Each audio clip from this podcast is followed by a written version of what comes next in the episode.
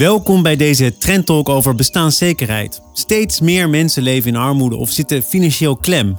Het bevorderen van bestaanszekerheid staat sinds 2021 wel prominenter op de agenda. Daarbij gaat het om veel meer dan zekerheid van werk en inkomen. Het gaat ook over een dak boven je hoofd, toegang tot betaalbare zorg, gezondheid, leven en opgroeien in een veilige, prettige omgeving. En over zelfredzaamheid. Verschillende overheden en organisaties ontwikkelen regelingen, bieden hulp en zoeken oplossingen voor meer bestaanszekerheid. Maar door de complexiteit van het systeem gaat er nog veel mis. Verkokering, capaciteitsproblemen, bureaucratie en verspukking staan samenwerking en integrale oplossingen te vaak in de weg. Wat hebben bestuurders, beleidsmakers en professionals in de praktijk daarvoor nodig? Wat kunnen we leren van experimenten? Welke prioriteiten zou jij kiezen als je minister van Sociale Zaken was? Deze en andere vragen leg ik het komend half uur voor aan Val Groen Binnendijk, wethouder in Castricum, Diana van Loenen, wethouder in Haarlem, Beate van der Ploeg, stratege Public Affairs Sociaal bij de gemeente Tilburg en Ingrid Hoogstraten, directeur inclusieve samenleving bij de VNG. Voordat ik met hen in gesprek ga, ben ik allereerst benieuwd naar de bevindingen van Maxje van der Heijden van Platform 31. Zij analyseerde het rijksbeleid van het demissionaire kabinet Rutte 4 en vroeg partijen uit het brede netwerk van Platform 31 te reflecteren op het beleid van de opeenvolgende kabinetten Rutte en de consequenties daarvan voor hun stad, dorp en regio. Maxje, welkom. Wat valt er op dit moment vooral op binnen het sociale domein? Want dat is waar we het volgens mij breed over hebben. Ja, het bestaanszekerheid was toch echt wel het woord. Uh, ook als we kijken naar de verkiezingen, die hebben we net achter de rug. Het NRC had het geturfd en tussen 2010 eh, en 2016 viel het woord bestaanszekerheid eigenlijk bijna nooit. In 2021 viel het opeens 158 keer. En het afgelopen jaar zelfs 330 keer. Dus dat is echt wel het, onderwerp wat is gaan leven de, afgelopen tijd. Nou, als we ook even kijken naar de feiten. Hè. Momenteel miljoen mensen in Nederland uh, leeft in armoede. Uit uh, onderzoek van de commissie Sociaal Minimum blijkt dat bij alleenstaande stellen zonder kinderen mensen tussen de 100 en 200 euro per maand tekort komen soms. En bij gezinnen is dat zelfs 200 tot 500. En van 7 miljoen huishoudens in Nederland heeft 1,4 miljoen problematische schulden of grote kans daarop. Dat zijn de harde cijfers. Maar ja. bestaanszekerheid, het is dus blijkbaar geturfd. Ja. En het eh, neemt eh, toe in aantal, behoorlijk toe. Hebben al die mensen het wel over hetzelfde? Is er wel een duidelijke definitie? Nee, bestaanszekerheid, uh, iedereen interpreteert dat anders. En iedereen voelt daar vaak ook wat anders bij. Uh, wij bij Platform 31 uh, proberen het breder te kijken dan natuurlijk alleen geld. Het gaat eigenlijk over stabiliteit en alles wat daar dan uit voortvloeit. Dus stabiel inkomen, dak boven je hoofd, gezond leven. en door die stabiliteit betere keuzes kunnen maken, beter voor jezelf kunnen zorgen en voor anderen. Um, dus wanneer er geen bestaanszekerheid en daarmee geen stabiliteit is, heeft dat meteen effect op allerlei andere facetten in iemands leven. En kan er dus uh, multiproblematiek uh, gaan ontstaan. Wat hoor jij op dit moment vooral terug van gemeenten die hiermee bezig zijn? Uh, ja, wat je hoort is dat als je naar burgers kijkt, er losse oplossingen voor losse problemen worden gezocht. dus burgers moeten via allerlei verschillende regelingen en organisaties proberen hulp te vinden. Nou, als je kijkt naar de afgelopen jaren, bijvoorbeeld de toeslagenaffaire, dan, dan gaat dat soort dingen nog wel eens mis als het complex, te complex wordt. Ja, de gemeente zelf kampen hier op een eigen manier eigenlijk ook mee. Ze krijgen te maken met verschillende programma's vanuit het Rijk, die allemaal hun eigen financieringsstromen, hun eigen verantwoordingssystemen uh, hebben. En dat kost gemeente gewoon ongelooflijk veel capaciteit. Dus een goed voorbeeld hiervan, je noemt het al in introductie, de SPUCs of de verspukking. Een SPUC is een uh, specifieke uitkering voor gemeente en provincie, waarbij lokale overheden geld kunnen krijgen om bepaald rijksbeleid dus te kunnen uitvoeren. En als je dus allerlei verschillende programma's hebt, dan heb je dus al die verschillende SPUCs. Uh, dit is ook geturfd, een nieuw feitje. In 2022 uh, verstrekte het Rijk 137 spukregelingen. In 2018 waren er nog maar 20. Dus kun je zien hoe dat is gaan groeien. Heb jij het geturfd? Is het uh, jouw verdienste dat we dit niet nee, weten? Nee, dit heb ik uh, ergens uit een onderzoek gehaald. Max van der Heijden, dankjewel. Diana, laat ik bij jou beginnen. Max, je zei het al, bestaanszekerheid. Het was ook in Den Haag een hot topic. Het is dus geturfd blijkbaar. Nou, hartstikke mooi. Wat merk jij daar nu van als wethouder in Haarlem... van die toegenomen aandacht voor bestaanszekerheid? Ja, nou eigenlijk uh, misschien wel niet zo heel erg veel. Geweldige uh, aftrap. Uh, en dan ben ik heel eerlijk. Kijk, um, ik denk wel dat we afgelopen jaren minister hebben gezien, minister Schouten, die ik, uh, nou, dat moet ik eerlijk zeggen, echt wel heel erg bezig is geweest met dit onderwerp.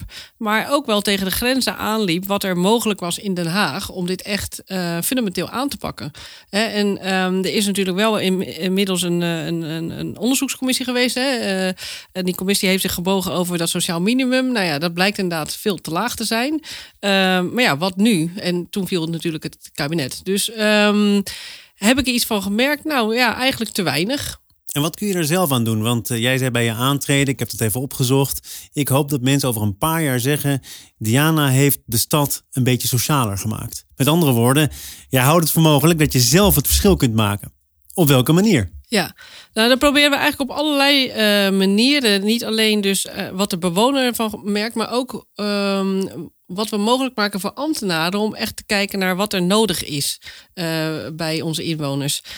dus we proberen eigenlijk alle hoekjes en gaten van die participatiewet bijvoorbeeld op te zoeken. Hè? Dus wat is er mogelijk om uh, mensen echt in de positie te krijgen dat ze uh, nou, bijvoorbeeld wel kunnen bijverdienen of dat ze wel vrijwilligerswerk kunnen doen en misschien dat dat net het opstapje is naar werk, terwijl je toch in die participatiewet zit. Want die participatiewet die knelt natuurlijk echt als een malle.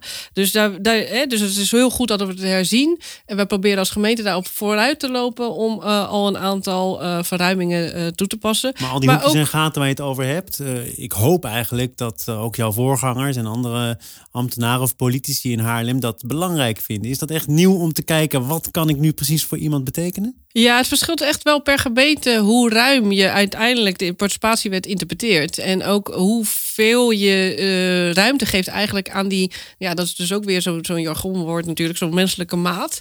Uh, maar uh, dat is wel degelijk relevant. En dat verschilt dus behoorlijk per gemeente ook hoe je daarmee omgaat. En dat is natuurlijk ook in de loop van de jaren behoorlijk veranderd. Ook hoe er naar wordt gekeken. Zeker door de kinderopvangtoeslagaffaire is er natuurlijk nog een keer naar gekeken van joh, hoe kan het nou eigenlijk dat we zo strikt die regels volgen waarbij mensen eigenlijk van de regen in de drup raken. Ja, nou, Beate, uh, dit moet jou uit het hart gegrepen zijn. Want eh, jij hebt ook al eerder gepleit voor mogen en durven afwijken van de standaard. Um, wanneer is dat wel wenselijk en wanneer niet? Want als je daarvan afwijkt, ja, voor hetzelfde geld schep je een precedent. En zit je er uh, op een lange termijn uh, mee, met je handen in het haar. Ja, in Tilburg is het in ieder geval zo dat uh, het heel duidelijk is dat mensen gewoon niet meer rond kunnen komen van hun inkomen uh, als het gaat om het minimumloon. Ook werkenden en ook uh, mensen die in de bijstand zitten. En daarin heeft de wethouder Esma Lalla ook een, hè, een, maand in de uitkering gezeten om dat echt onder de, in de lijven te ondervinden. En daar bleek het gewoon echt niet mogelijk te zijn. Wat, dus wat doen we mensen aan? We geven ze eigenlijk een inkomen met de veronderstelling dat daardoor mensen sneller gaan werken. En het blijkt dus niet zo te zijn. Dus uh, in die zin zoeken we in Tilburg die randen heel erg op, die ruimte heel erg op, omdat we weten uh, uh, dat mensen gewoon daardoor heel erg stressvol zijn, gezondheidsklachten krijgen en zo on. En daarmee is het ook nog zo dat die twee dingen, inkomen en geen dak boven je hoofd, te veel stress oplevert om verder ook uit die overlevingsstand te komen en echt dingen te kunnen doen voor jezelf. Dus ja, daar hebben we een paar voorbeelden van waarin die randen zijn. En dus inderdaad echt te kijken naar het individu. En dat kan soms zijn dat de ene andere dingen krijgt dan de ander. En uh, daar werken we ook uh, met het Instituut voor Publieke Waarden mee samen om te kijken van ja, hoe kun je dat nou wel goed legitimeren dat het soms afwijkend is. Dus ongelijk behandelen, ongelijk investeren om toch kansengelijkheid te vergroten. Eh, het is al tamelijk uh, ongelijk, Ingrid. Want die commissie die eerder werd aangehaald, die heeft geadviseerd over het sociaal minimum, constateert ook dat het nogal wat uitmaakt in welke gemeente je in welke problemen zit. Hoe heeft dat zo kunnen gebeuren? Um, nou, dat heeft een aantal oorzaken. Um, dat dat inderdaad verschillend is per gemeente of verschillend kan zijn. Um, dat kan bijvoorbeeld komen door uh, de lokale situatie. Sommige dingen zijn misschien ook uh, duurder in de ene gemeente dan in de andere. Het kan ook te maken hebben met de politieke kleur misschien van een gemeentecollege. Maar nog ook een belangrijke factor is de hoeveelheid geld die gemeente hebben. Want de ene gemeente is ook echt rijker dan de andere en heeft ook gewoon meer te besteden. Dus die factoren kunnen ertoe leiden dat er verschil is tussen gemeenten. Ehm, en daarbij is natuurlijk de laatste jaren aan gemeenten heel veel gevraagd door het kabinet om ja, bij te springen op een heel veel uh, ja, flankerend beleid, zoals wij dat noemen. Hè. Uh, dus Waarom moet je daarbij lachen? Nou ja, ik vind dat zo'n mooie, oh, zo'n mooie uitdrukking. Term waar je misschien wel vanaf wil. Ja, nou ja, dit, nou ja dat zegt ook de, hè, de Commissie Sociaal Minimum zegt daar ook iets over. Hè. Die zegt ook van, nou ja, het is misschien wel te verschillend geworden over gemeenten heen bijvoorbeeld hebben we natuurlijk de boodschappenaffaire gehad. Er was natuurlijk de vraag: mag je een schenking van een familielid houden? Nou, de ene gemeente zegt uh, nee, de andere zegt ja, tot, tot x bedrag, de andere tot y bedrag. Nou, is dat, uh, is dat dan rechtsongelijkheid of niet? Dan kan je natuurlijk ook nog eindelijk niet elk verschil is rechtsongelijkheid. Maar wat vind jij er persoonlijk van?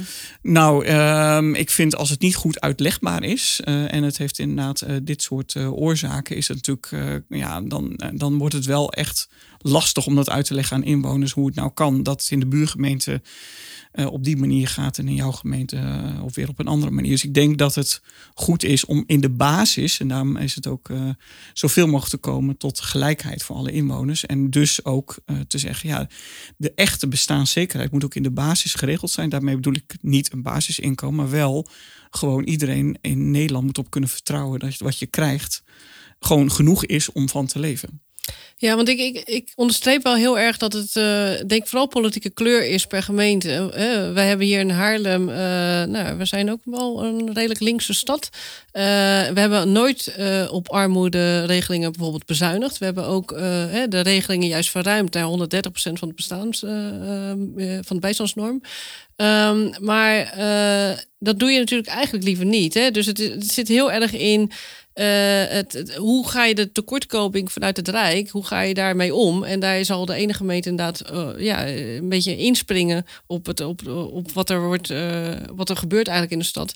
En de andere niet. En wij zijn ook niet een hele rijke gemeente, eerlijk gezegd. Dat wordt wel eens gedacht van Haarlem, rijke inwoners, maar niet een hele rijke stad. Maar dus hè, het, is, het is altijd wel een enorme politieke keus geweest om niet te bezuinigen op armoedebeleid en sterker nog wat uit te breiden.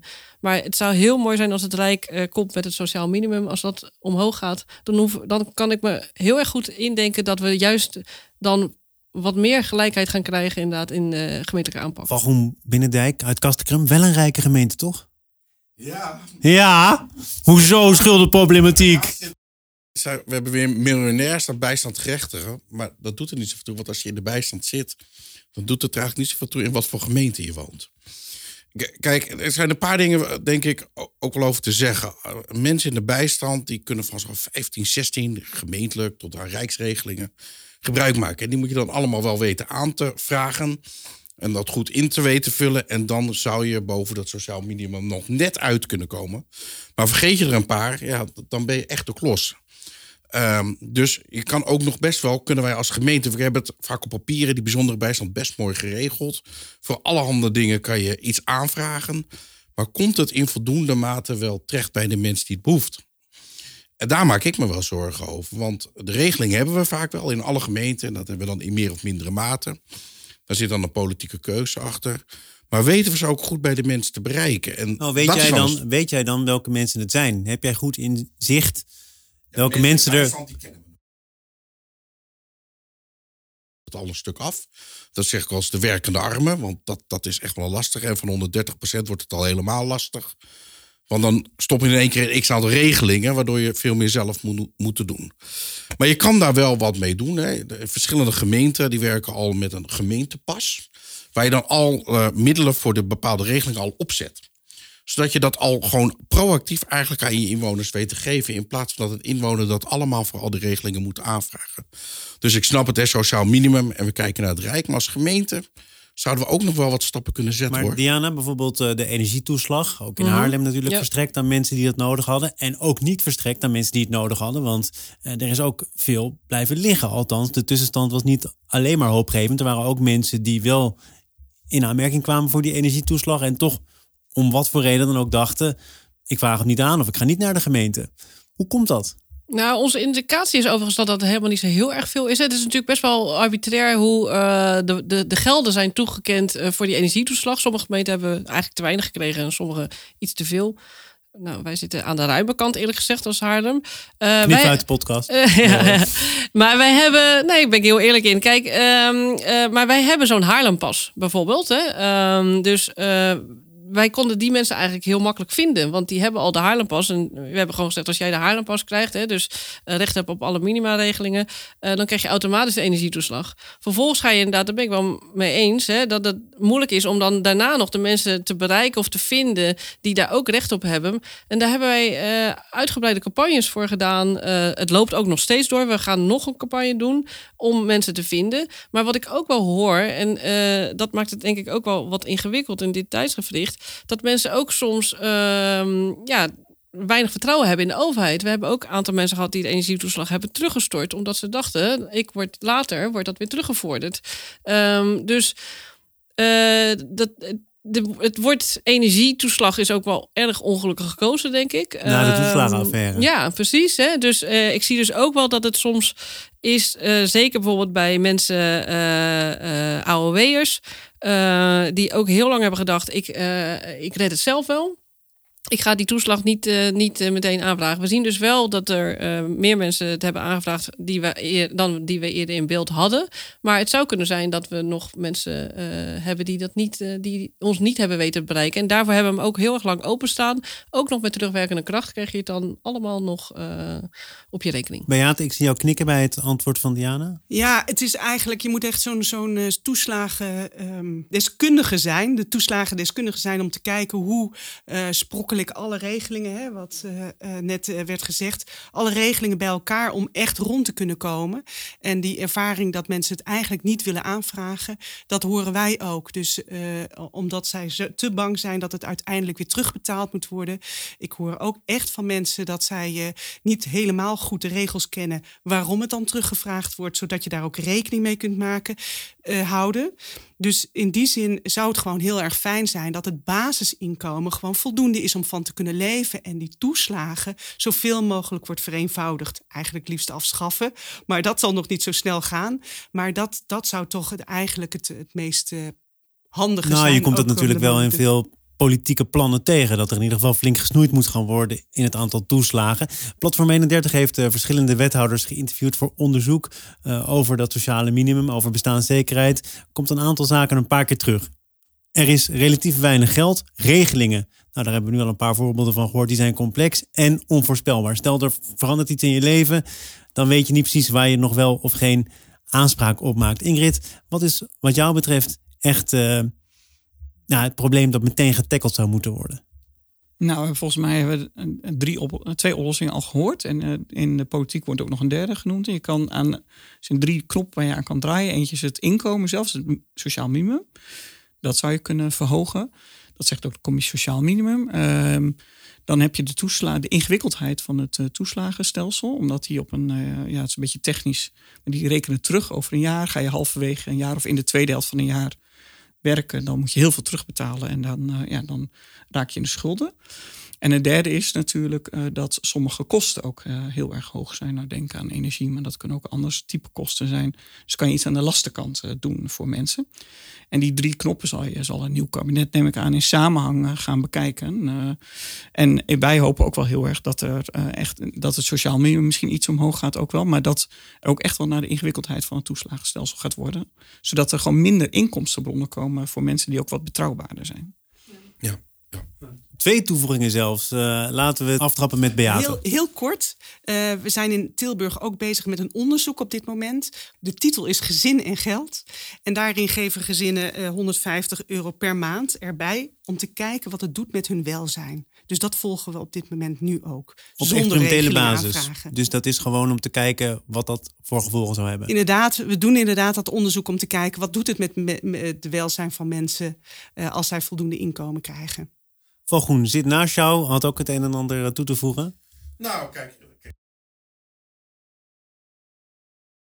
Over een deel mensen in de bijstand. En dat gaat ook natuurlijk over de uitvoering van de participatiewet. En hoe help je nou juist deze doelgroep? En die doelgroep van de bijstand is ontzettend veranderd. En daar, daar wilde ik wel wat over zeggen. En daar hebben we nog best grote verantwoordelijkheid voor als gemeente. Groter dan Vereen. En hoe help je nou die mensen uit de bijstand? En ik denk dat, je, dat we daar ook opnieuw naar moeten kijken. En dat gebeurt wel met participatiewet in balans. Maar ik, ik durf nou niet te zeggen als wethouder participatie die dat al een tijdje doet, dat we dat, we dat nou heel goed hebben gedaan met elkaar. De ombudsman heeft er ook wat uh, kritische noten over gekraakt, hè, redelijk recent.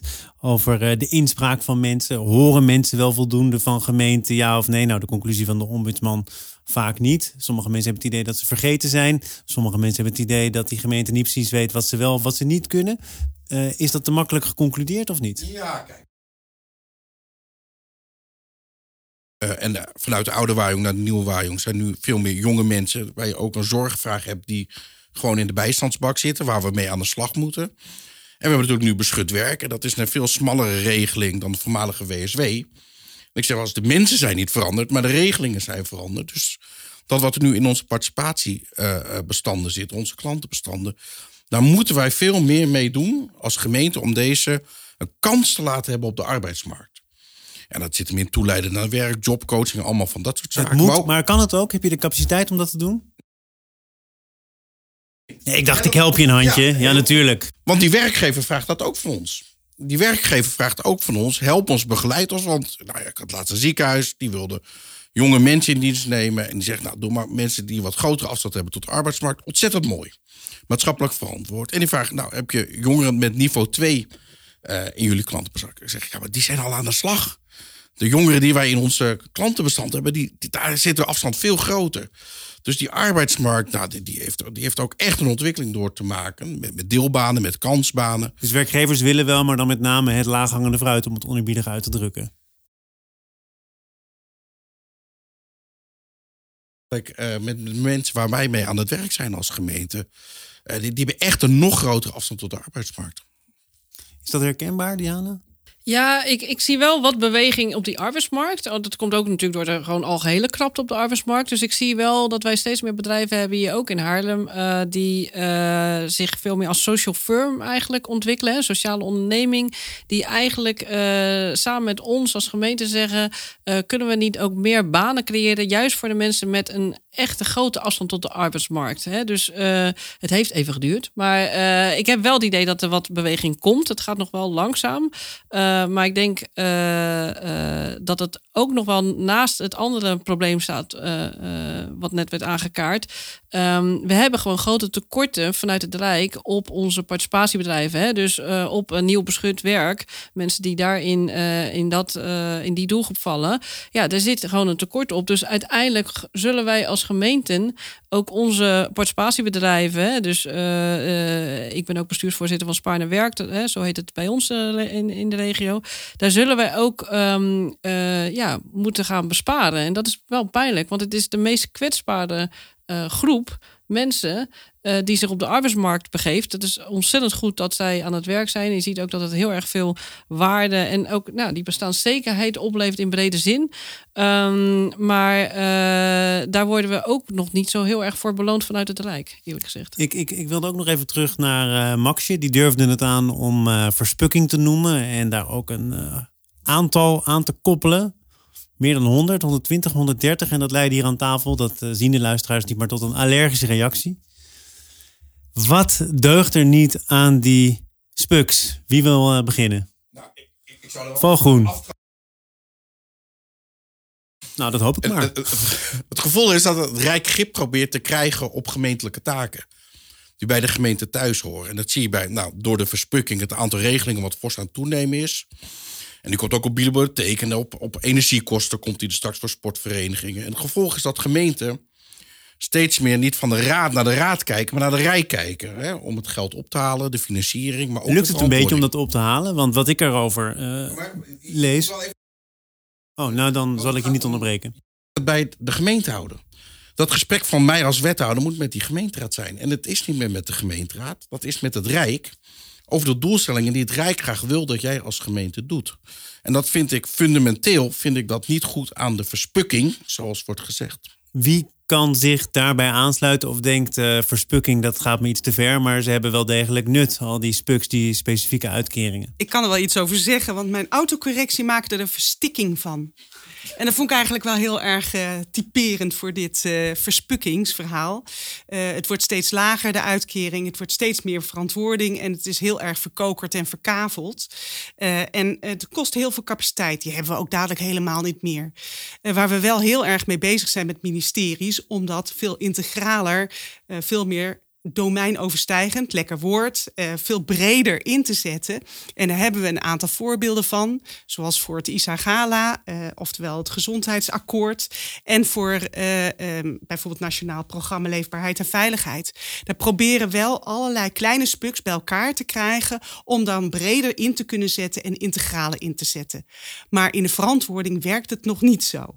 Dus het is nogal een het is nogal hard werken met elkaar om allemaal, ook hè, geldt voor gemeenten uh, afdelingsoverstijgend, maar geldt ook voor departementen waar we heel graag uh, domeinoverstijgend willen werken, om een spuk Oftewel een veel integralere specifieke uitkering in te zetten. Om breedte uh, uh, in te mogen zetten. Zoals gemeenten denken dat het voor hun gemeente of regio het meest waardevol is. En je zegt ook, joh, we hebben uiteindelijk helemaal de capaciteit niet. Je moet dus eigenlijk, korte samenvatting, steeds meer doen voor steeds minder geld. Yes. Dat je heel doelbewust en niet eens naar eigen inzicht kunt inzetten. Op allerlei kleine eilandjes. En je kunt het niet heen en weer schuiven voor dingen die, waar je denkt, dat is als je daarin zet.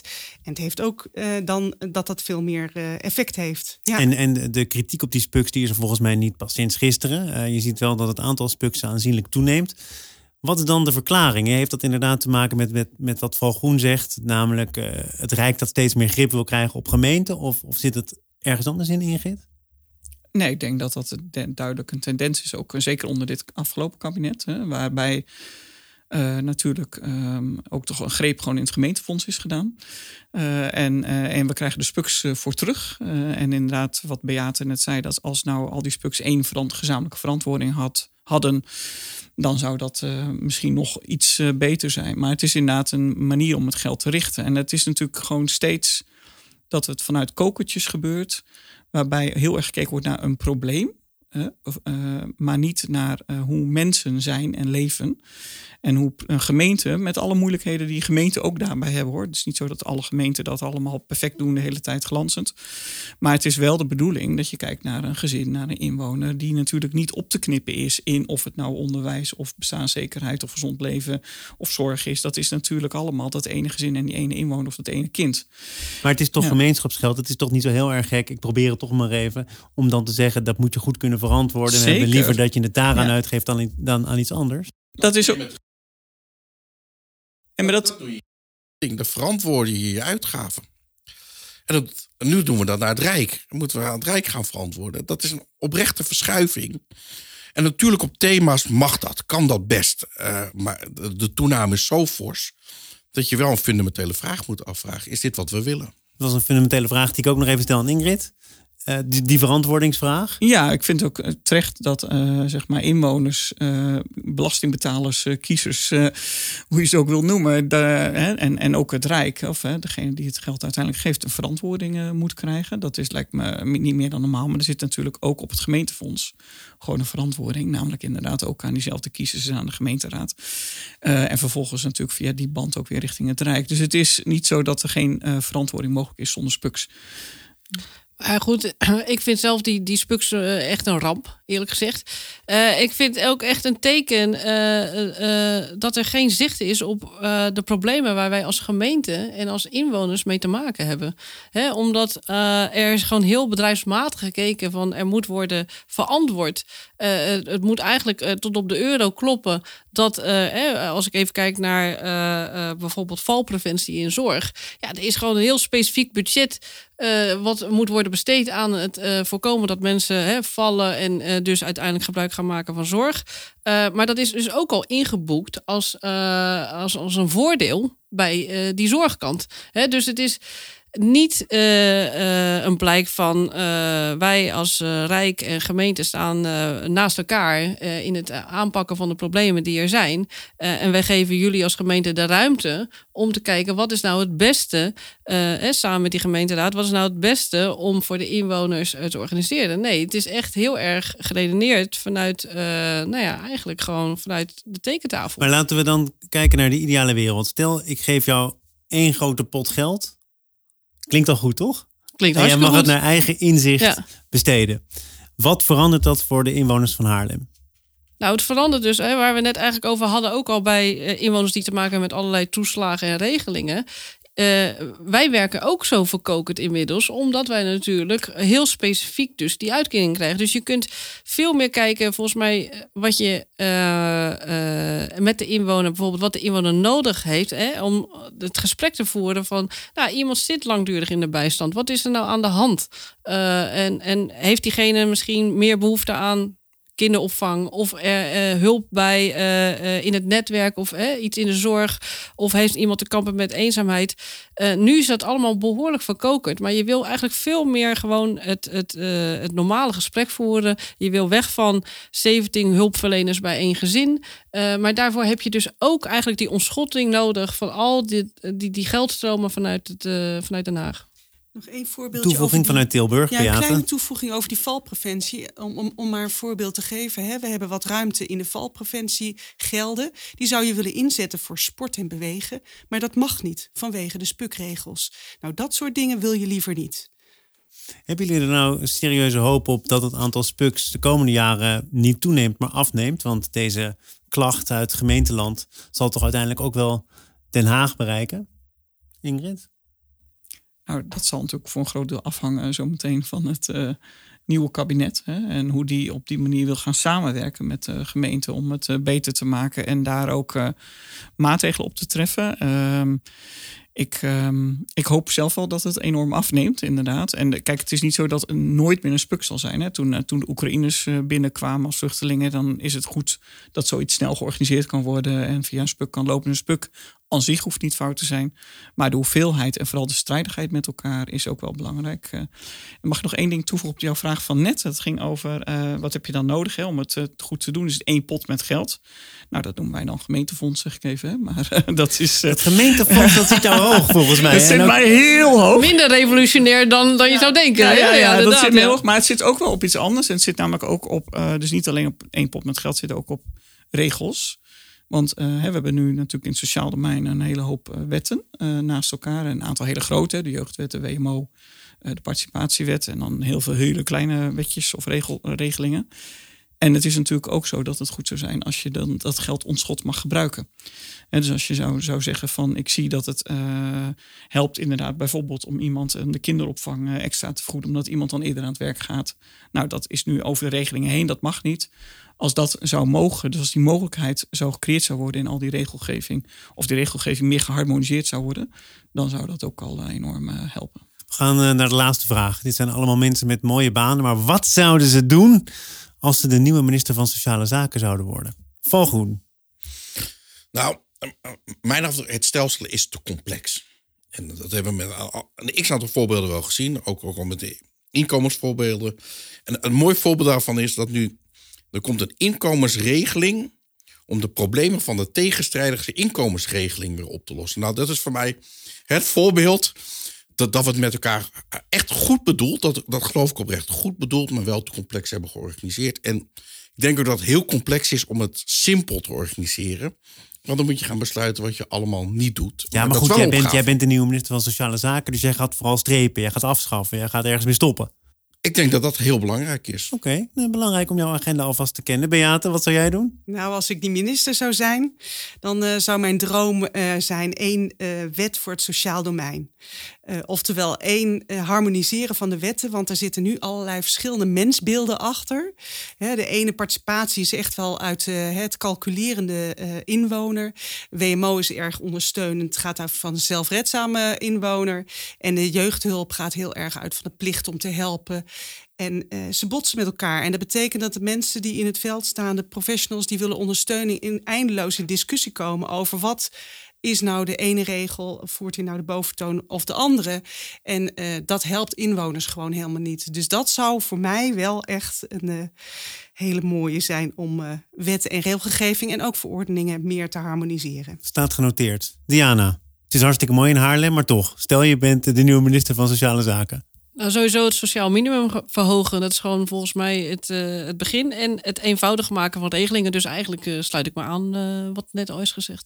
Ingrid, mag het eh, rijtje afsluiten? Um, nou, ik, ik uh, ga ervan uit dat er niet alleen maar minister voor Sociale Zaken komt, maar een minister voor bestaanszekerheid. Um, die inderdaad gaat kijken van hoe kan ik inderdaad uh, zoveel mogelijk mensen aan het werk helpen. Want dat is nog steeds inderdaad de beste middel uh, om goede bestaanszekerheid te hebben. Maar hoe kan ik ook inderdaad de lasten verlagen? Hoe kan ik de toeslagen beter laten werken? Hoe kan ik inderdaad het sociaal minimum verhogen? Hoe kan ik ook huizen oh, organiseren? En nee, maar dus die gaat inderdaad met al zijn collega's in het kabinet uh, ontschot en uh, over kokers heen uh, werken aan, aan, aan dat brede begrip van bestaanszekerheid. Ik dank jullie voor de bijdrage aan deze podcast. Ingrid Hoogstraat, directeur inclusieve samenleving van de VNG. Van Groen Binnendijk, wethouder in Castricum. Diana van Loenen, wethouder in Haarlem. En Beate van der Ploeg, stratege Public Affairs Sociaal bij de gemeente Tilburg. Deze trendtalk is gebaseerd op de reflectie van partijen uit het brede netwerk van Platform 31 op het Rijksbeleid. Wat zijn de voornaamste consequenties van het beleid van vier kabinetten Rutte voor de opgave wonen, ruimte, leefbaarheid, duurzame ontwikkeling, economische veerkracht en inclusieve samenleving? Hoe werkt het uit in verschillende type gemeenten en regio's? En wat geven zij het komende kabinet graag mee? Je kunt dat rapport gratis downloaden op de website van Platform 31. Bedankt voor het luisteren. Platform 31.